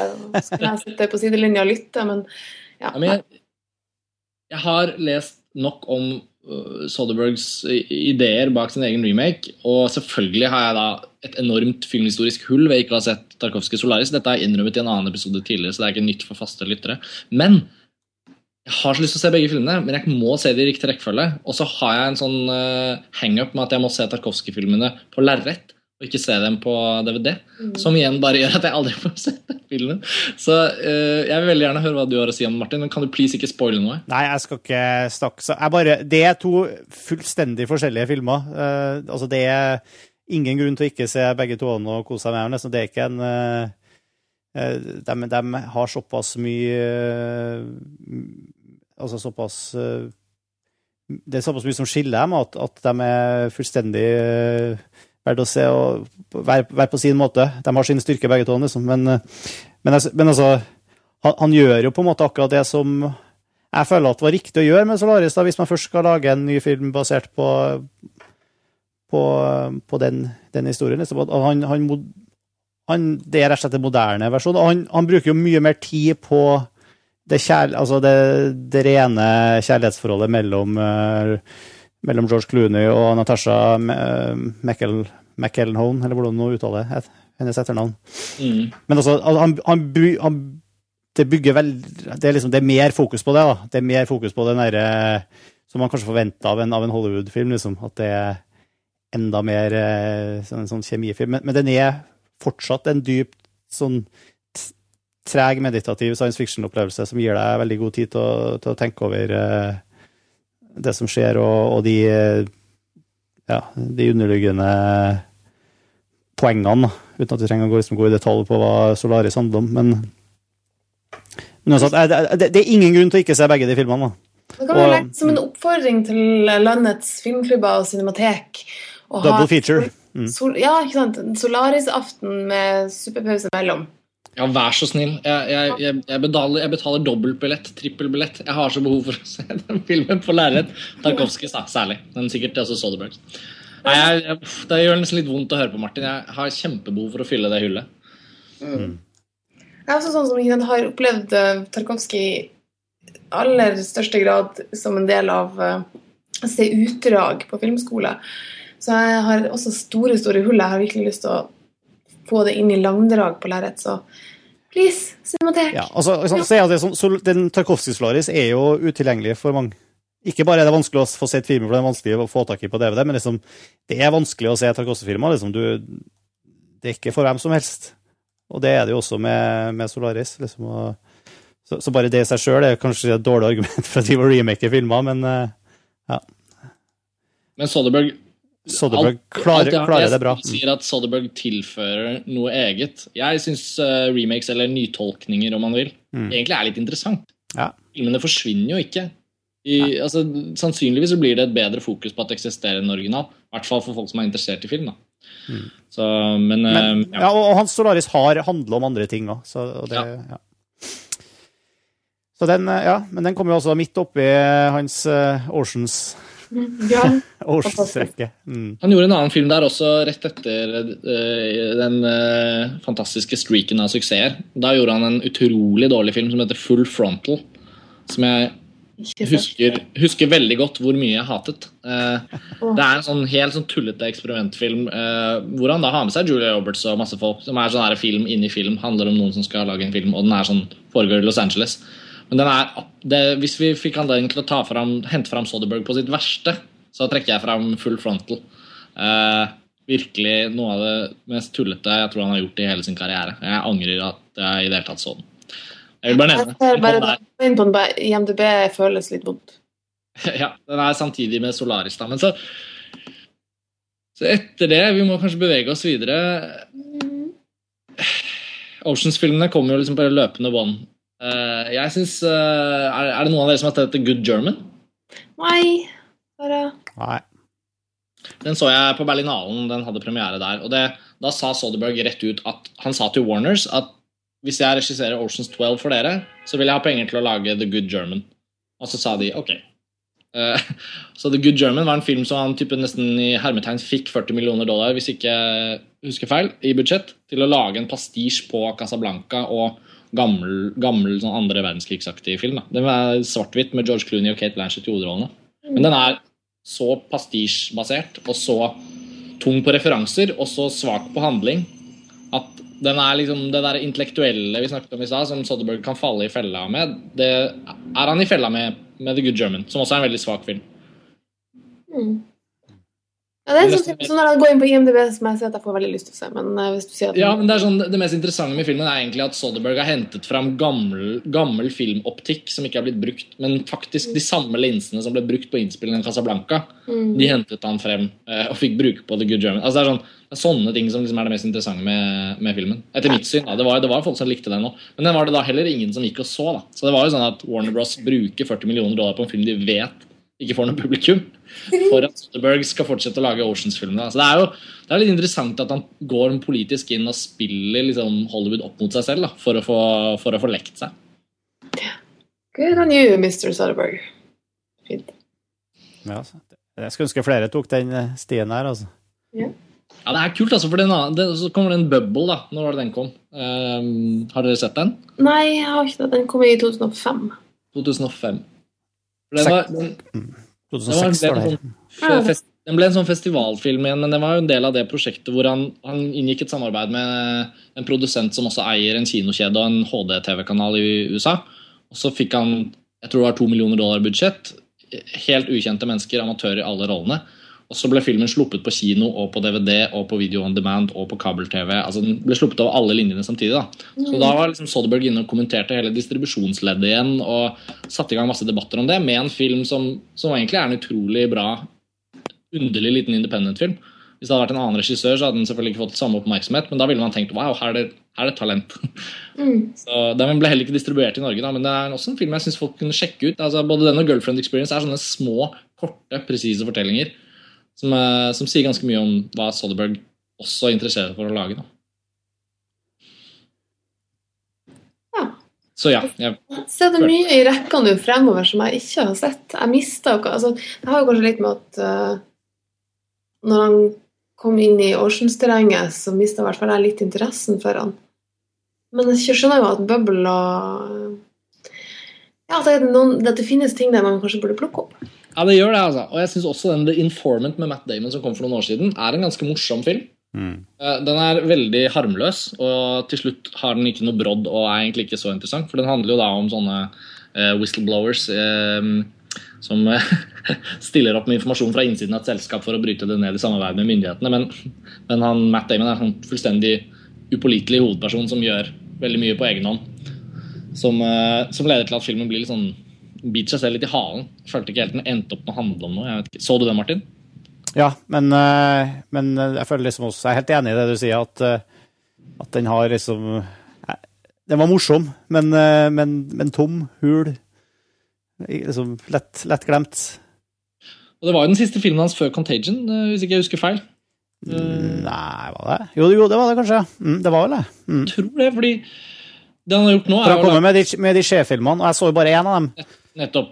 Som i likhet med mange andre. Jeg synes det var jeg, ja, jeg klarte aldri å få prioritert å se film nummer to etter at jeg så film nummer én, fordi det, det, det ga så, såpass lite mersmak, da. Jeg har jo lyst til å se den, som jeg sa i begynnelsen av episoden. Ja. Problemet mitt er jo også at det er ingen jeg kjenner som sier at de liker dem. Det er ingen som har anbefalt meg å se dem. Og jeg, det er jo bare for sånn Soderberg-kompletisme sin skyld at jeg har lyst til å se dem. Og hovedkritikken der var at det var dørgende kjedelig. Ja, det er det alle sier. Ja, Så det er to filmer. ja ikke sant? Ikke bare ikke så- én døgns kjedelig film, men to! Men jeg tenker sånn, eh, til og med på en måte den der Che Guevara-kulten, denne T-skjortebølgen, eh, liksom anarkister som er på ferie i Barcelona, så denne verden der, den er jeg ganske langt uh, forflyttet fra, og føler ikke at uh, Che Guevara som kultfigur interesserer meg. Rent historisk og hvordan ting skjedde, og hvilke revolusjoner som ledet til hva, sånn, så er jo ting interessant. Og jeg tror Soderberg har gjort en slags sånn Jeg vet ikke, Du har jo sett den første filmen, Martin, så kanskje Ja. vet, men, men det føles som Ja, da, han, han går veldig inn i liksom uh, altså du, Det er jo en slags bio, det er jo en biopic, skal du si. Det er en biografisk, biografisk film. og Du, du, du følger Skje og inn i, inn i jungelen og inn i Altså fra, fra, fra jungelen til Washington, på en måte. Og, Ja. men, men liksom det, det, det mangler rett og slett et driv der. Altså, som han, han klarer ikke å få deg med. Med på det. Mm. Synd Men det er- er mm. et spennende liv. Ja. Så- ikke sant. Eh, Så det, det var et, det er et eller annet der som uten at jeg ja, uten at jeg klarer å sette fingeren på nøyaktig hvorfor, eh, hvorfor det ikke funka, så, så, så er det Og det er jo tydeligvis et, ikke bare jeg som føler det sånn. Nei. Og, og der er han også på eh, Han, han, han leker seg der også, med, med form og, og Hvis jeg ikke husker feil, så Ja, det er mye, det, det er mye formmessige ting som, som er litt, sånn, litt underholdende, men eh, Men jeg tror de filmene ga han en eller annen form for knekk. For det var nesten ingen som så dem. Mm. Og det han har snakket om nå i det siste, eh, hvis vi kan hoppe frem til det, er jo at han faktisk planlegger å trekke seg tilbake og slutte som regissør. Ja, han har sagt at vi får tre filmer til, og så skal han sette seg og male. Ja, Han skal bli maler. Ja. Han har, jo, ja, han har jo en del som ligger på tegneblokka som kommer nå. Ja, det er ditt. Ja. Han har, har det- har det- For da har han Magic Mike, The Man from Uncle og Liberace. Liberace. Mm. Det, det er det som er liksom eh, Det er de filmene han skal lage, da. Men eh, det, morsomme Jeg synes bare det var så utrolig morsomt at Soderberg hadde sagt i intervjuet at han skulle trekke seg tilbake for å male. Og jeg tror Hvis en standup-komiker hadde klart å liksom, forstå hva det er som er morsomt å drite ut Soderberg på, så ville han sannsynligvis sagt det som en Ja. spøk. Soderberg er typen til å liksom bare plutselig slutte fordi han syns det er mye mer spennende å male. Og så er det faktisk det Soderberg da selv sier. Ja, Eh, Så det er jo ganske hysterisk, syns jeg. på en måte. Men, men, men, men den Magic jeg var Mike så glad også inni meg over at det finnes folk som faktisk tør å gjøre flere ting på en gang. Ja. Ja. Men altså, nå når det sies over, så er det ikke noe sånn Han tar ikke noen sjanser ved å si opp jobben sin at han skal male. Han, han kan jo han har, er helt, han har helt sikkert så mye penger nå at han kan gjøre hva han vil. Ja. Jeg vedder, herved, jeg vedder herved 500 spenn på at han ikke kommer til å legge opp som filmregissør. Tør vi vedde mot? Jeg vet. Hvis, hvis, hvis noen vil vedde mot, så velkommen. Hvis Steven Soderberg lager en film som regissør etter Liberace, som visstnok er den siste han har planlagt å lage, så um, Jeg tror han kommer til å gjøre det. Jeg tror ikke det å legge opp i nødvendigvis Jeg, jeg tror jeg bare det, For meg så fremstår det bare som noe han sier nå, og så vil det endre seg. Det virker liksom så meningsløst. Det Han er liksom, litt sliten akkurat nå, da. Han, er, han, han trenger bare et par års pause, og så kan han Ja, komme eller- come back. ja. Jeg tror, han, jeg tror Soderbergh skal fortsette å lage film, og jeg håper han skal fortsette med det han holder på med. Jeg syns det er så spennende med en regissør av den typen som jobber liksom øverst i Hollywood med de største blockbusterne, på en måte, og parallelt gjør disse små tingene. Jeg syns det er eh, endeløst fascinerende. og Jeg håper, jeg skulle ønske flere regissører lot seg inspirere. Man hadde flere tilfeller av filmskapere som ikke var så redde for å gå ut av komfortsonen og teste ut forskjellige ting. Han er jo også en aktiv produsent. Og, som, Ja. Mm. Han lager forresten utrolig bra kommentarspor. Jeg vet ikke om det er viktig og interessant for folk å høre, men eh, hvis man har sett The Limey, burde man også se og høre da, se og høre kommentarsporet. Det er et utrolig kult kommentarspor. Han og mannsfatteren Lem Dobbs. Det er en liten anbefaling fra meg. Jeg, jeg, jeg får minne om at jeg, har, jeg er veldig glad i å se ekstramateriale på, på DVD-er, men jeg har ikke kommet inn i modus at jeg sitter og ser kommentarspor. Men jeg tror kommentarspor er sannsynligvis en av de mest oppskrytte tingene eh, i liksom DVD-tidsalderen. Altså, ja. hvis man tok en og målte hvem som faktisk hører på kommentarspor, er det veldig få som gjør det. Jeg må innrømme at jeg venter til noen anbefaler meg. Hvis ikke det er helt helt spesifikt, da, sånn som med Ringenes herre-trilogien, sånn, så husker jeg jeg satt og, og i hvert fall hørte gjennom alle kommentarsporene med Peter Jackson, men det blir jo ikke til at man faktisk orker å høre hver eneste skuespiller som sitter og Ja, for Da må du se filmen ganske mange ganger. altså Det er liksom tolv timer med øh, seks forskjellige kommentarer. Ja, Det, du sitter der liksom to uker og ser samme filmen om igjen med forskjellig lyd. Man skal i hvert fall være utrolig, utrolig interessert. Eh, Nei, jeg skal jeg skal ikke for å være sånn veldig sånn, skryt på meg og ha et så fryktelig, fryktelig interessant liv, men jeg har faktisk et liv. Eh, så ja. Hvem har tid til sånt?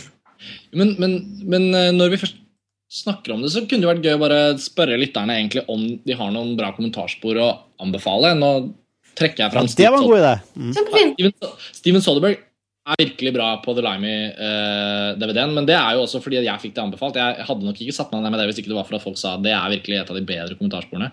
Uh, og jeg har ment å høre på kommentarsporet til um, Girlfriend Experience. Eh, jeg husker liksom ikke om, eh, om det er kommentarspor på den, for jeg så den på, ki- på en kinovisning. Men, eh, men ja. Det er noen filmer som er virker mer interessante å høre på kommentarsporene til. Da kan vi jo på en måte oppfordre lytterne til å bruke vårt kommentarspor til å anbefale kommentarspor. eh, Ja, gjør det. Og, og til å vedde 500 spenn mot Karsten, hvis dere tør. Hvilke DVD-er har gode karakter, kommentarspor? Og, og, det er jo generelt, Vi er veldig interessert i tilbakemeldinger fra, fra dere som hører på. Vi fikk jo, En av tilbakemeldingene vi fikk nylig, var jo nettopp at vi burde være flinkere til å høste inn tilbakemeldinger og, og innspill fra, fra lytterne. Og eh, det var Karsten Ekven som skrev til oss, eh, og en fast lytter som eh, gjerne ville at vi skulle gå ut i forkant av episodene og annonsere hva neste episode skulle handle om, sånn at dere som hører på, kunne da liksom komme med innspill og spørsmål og kommentarer og favorittfilmer og sånn, som vi kunne da lese opp eller forholde oss til på en måte under opptak. da. Sånn som nå. Så vi gjorde jo det nå i forrige uke og posta på, på Facebook hva temaet for eh, denne episoden her skulle være. Um, og la ut det på eh, Facebook-sida til montasje, som jeg håper dere selvfølgelig alle sammen eh, følger. Eh, hvor vi sa at temaet eh, nå skulle være Steven Soderberg og, og Contagion. Og, og responsen på etter det har jo vært eh, overveldende. Vi har fått eh, Jeg tror eh, som ba dere om å komme med med hva, hva du syns om eh, Steven Soderberg. Det er mulig at temaet ikke er så brennhett, men fall, det har i hvert fall ikke resultert i noen mails. Da, men vi har fått én kommentar fra innspill fra, fra Øyvind på Facebook om at han har laga 'Traffic', en av 2000-tallets beste filmer, og det kan i hvert fall ingen ta fram. Spent på Contagion. Det er stort sett det eneste innspillet vi fikk til episoden her. Så eh, foreløpig så har ikke den annonsere episo- temaet forhånd vært noe, en dundrende suksess, kan du si. Men, eh, Så skjerpings, lyttere! skjerpings. men, men, men vi vil gjerne fortsette å prøve på det. Men jeg kjenner meg igjen i, med podkast jeg selv lytter på. Så man må jo bare tilvenne seg ting. Ja, må, ja det her er nytt. Jeg hører på podkastene på podkast i iTunes. Jeg har ikke, er ikke inne på Facebook-sidene til alle podkastene jeg lytter til. Så nå sier vi det jo i episoden, så de som har kommet så langt som dette, de, Ja. de vet jo hva vi snakker om. Men jeg vet ikke nå og vi vet ikke nå hva neste episode skal handle om, så vi trenger et sånt, for at det kan jo bli eh, to uker til, og vi har ikke satt tema for neste episode ennå, så vi kan ikke nå annonsere hva, i, hva temaet for neste episode blir. Så budskapet er å følge med på Facebook-siden til montasje. Det er veldig lurt, hvis du vil vite i forkant. Og, og da er det selvfølgelig enten å legge inn kommentarer på, på montasj.no under eh, på, på Filmfrelst-sidene, eller uh, bruk Facebook-sida, eller send oss mail. Det er jo kanskje det vi er aller mest glad i, hvis vi skal ha ting å på en måte lese opp i og spørsmål vi skal ta opp uh, på innspillingene eller sånt. Det er å sende oss mail til filmfrelst.montasj.no. Annen, et annet sted hvor du av og til kommer litt tilbakemelding, er på Twitter. Eh, Ja. jeg tenkte jeg bare skulle nevne noe som ble nevnt her. En som heter kanskje Tanketom på Twitter. Andreas Oppstad. Oppsvik er det. Unnskyld. Eh, han eh, spør litt kritisk at han er veldig glad i montasje, men de må få seg ordentlige mikrofoner. Får jeg bank for å foreslå det? Da regner jeg med at han sikter til Filmfrelst og ikke til mikrofoner sånn generelt. Um, Det er så dårlige artikler, så jeg må få seg ordentlige mikrofoner. jo, vi har jo en del forskjellige typer opptakssituasjoner nå for tiden, og det veksler jo mellom ting som har vært på location, ting som er over Skype, sånn som vanlig. Så hvis det er veldig veldig plagsomt for folk når det ikke er god lydkvalitet, så er vi interessert i å høre om det. Og jeg regner jo med at alle ønsker seg best mulig lydkvalitet, og jeg føler jo at vi har det ganske ofte selv, når jeg hører på Filmfrelst. Ja, det er et eller annet det, jeg har, jeg har- ganske mye erfaring med å ta opp uh, podkaster i i ymse situasjoner. Det er sånn det er en, det er en sånn utfordring der med at aller helst så skulle vi alle sammen ha møttes og sittet i et uh, lydisolert studio med ordentlige mikrofoner og lyddemperrom og, og, eh, og, og liksom sittet og brukt tre timer og samla alle deltakerne og sånn hver uke. og lagd en som, som en, en radioproduksjon, nesten. Eh, Men det er, jo, det er jo mulig å få til i praksis. når vi sitter, Jeg sitter i Trondheim, og dere i Oslo, og noen i New York. Og, eh, så, så har jeg også eksperimentert med sånne ting at å ha eh, kostbare mikrofoner ute hos deltakere i episodene, altså hos gjestene, da. Og gjøre lokale opptak, og så, send, så sende meg filene på mail etterpå, så vi kan redigere, klippe det sammen til en, til en podkast hvor hvert lydspor er liksom tatt opp eh, med ordentlig mikrofon hos hver enkelt. Men problemet med det er at det er enormt tidkrevende. Og teknisk ganske vanskelig for alle skal, som skal delta. Det når vi liksom varierer hvem som er med fra gang til gang. Så, så vi har liksom endt opp med å gjøre det sånn som vi gjør det nå, da, og rett og slett bare ta opp all lyden eh, over Skype. Så all lyden jeg får fra dere nå, blir bare rett eh, miksa sammen på direkten, og, og vi bare eh, vi kjører litt filter på opptakene, og, jeg skrur litt på lyden før vi klipper det sammen. Liksom, og, men minst mulig etterpåredigering har vist seg liksom absolutt kritisk for i hele tatt klare å holde produksjonen opp da, uke etter uke. Så det, og det er jo litt sånn bakom-info på mange Ja. måter. Og det er kanskje interessant for lytterne også. Hvis man reagerer på det med dårlig lyd, så, så Og det er jo sånn Jo, lage filmfrelst. Ikke sant? Og det, og det er noe som, men det slår meg også når jeg hører på andre podkaster. Altså, eh, vi har ikke bety... I hvert fall sånn som denne episoden her nå, så jeg er ganske sikker på at den har eh, relativt sånn gjennomsnittlig OK lyd da, i forhold til veldig mange podkaster som holder på med det samme som, eh, som, som vi gjør. Det er selvfølgelig litt annerledes med podkaster fra NRK eller fra etablerte radioproduksjoner, som, som har betydelig høyere lydkvalitet. men hvis du sammenligner oss med, med andre podkaster som er produsert på den måten her, over Skype og på liksom hobby, litt sånn hobbybasis, så, så høres i hvert fall ikke de her, tror jeg, ikke så ille ut. Det som derimot kan, er veldig varierende når folk er ute og har med seg bærbare opptakere ute i felten og sitter i støyete kafeer eller på hustak, Kari, eller da, da er det noen ganger litt, eh, varier, litt vanskeligere å høre på, kanskje. Men, eh, Og vi, kan vel, og vi kan vel erkjenne at det vil jo det vil jo komme nye tilfeller hvor vi kanskje mer eller mindre ikke alltid like planlagt støter på veldig gode anledninger til å ta opp en interessant samtale. Om det er med en personlighet eller om det er med hverandre i en setting hvor man akkurat har sett en film. Da vi var i Cannes, så var det sannsynligvis ikke ideelle lydforhold, men personlig så mener jeg at det tilfører en form for stemning. da. Så selv om det er veldig Vi er jo enige selv, opplever jo det, at lydkvalitet selvfølgelig betyr noe, men, men eh, Filmfrelst er ikke et resultat av at vi ikke forsøker å få til best mulig lyd, hvis mulig. Og jeg for eksempel, har lært meg å bli veldig flink til å bruke mute-knappen, sånn at man skal slippe å få med sånn, den fine atmosfæren i mitt hjem av katten som spiser, eller naboen på balkongen. Ikke sant. og, og, og nå sitter vi jo, altså når man gjør det på måten her, så er det mener jeg da, OK hørbar lyd, og det er, dere har jo ikke noen mikrofoner, ikke noe dyre, det er ingen som har noe dyrt, dyrt utstyr her. Noen- Mac-en min var kjempedyr ja, da jeg kjøpte den. Så jeg, Jo, jo, du har en Mac, liksom, men du tar opp via innebygde mikrofoner i laptopen din, og så lenge man sitter i et godt rom, så er det det, er det viktigste, ikke sant? Opptaksmiljøet man sitter i. Um, ja. Men Uansett. summa summarum så er det jo kjempebra at folk sier fra. Eh, og det er vel det vi oppfordrer til i løpet av denne lille tilbakemeldingssessionen her. At, at vi er veldig interessert i å høre hva folk tenker, om det er om lydkvalitet eller om Steven Soderberg eller andre forslag til episoder. Ja. Så send oss gjerne mail, og ekstra kult selvfølgelig hvis dere sender oss et eh, hvis dere har et spørsmål eller konkret innspill, eller vil at vi skal diskutere en eller annen ting, eller ha en kommentar til en film nettopp tatt opp. Sånn.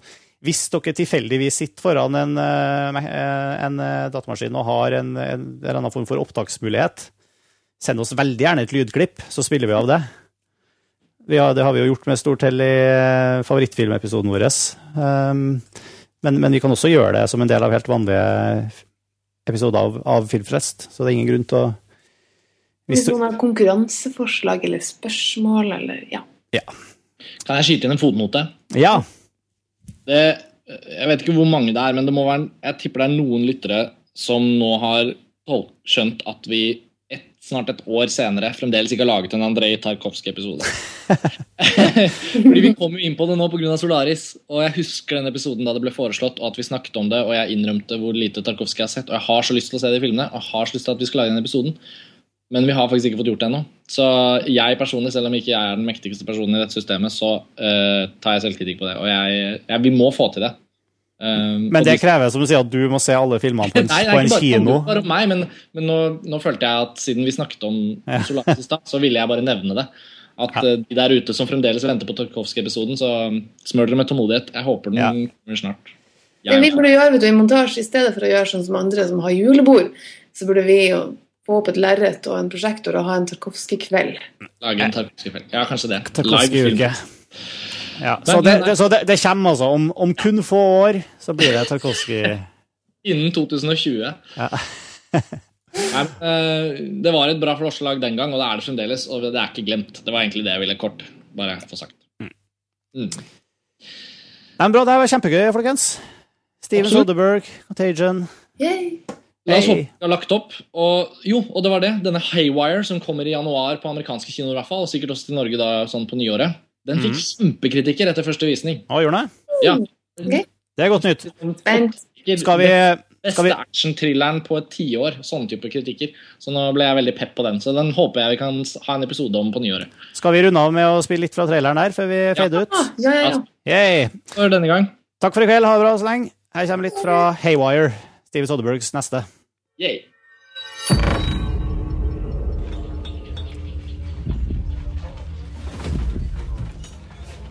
He said to come pick you up. You're really starting to cut into my vacation time, so can we go, please?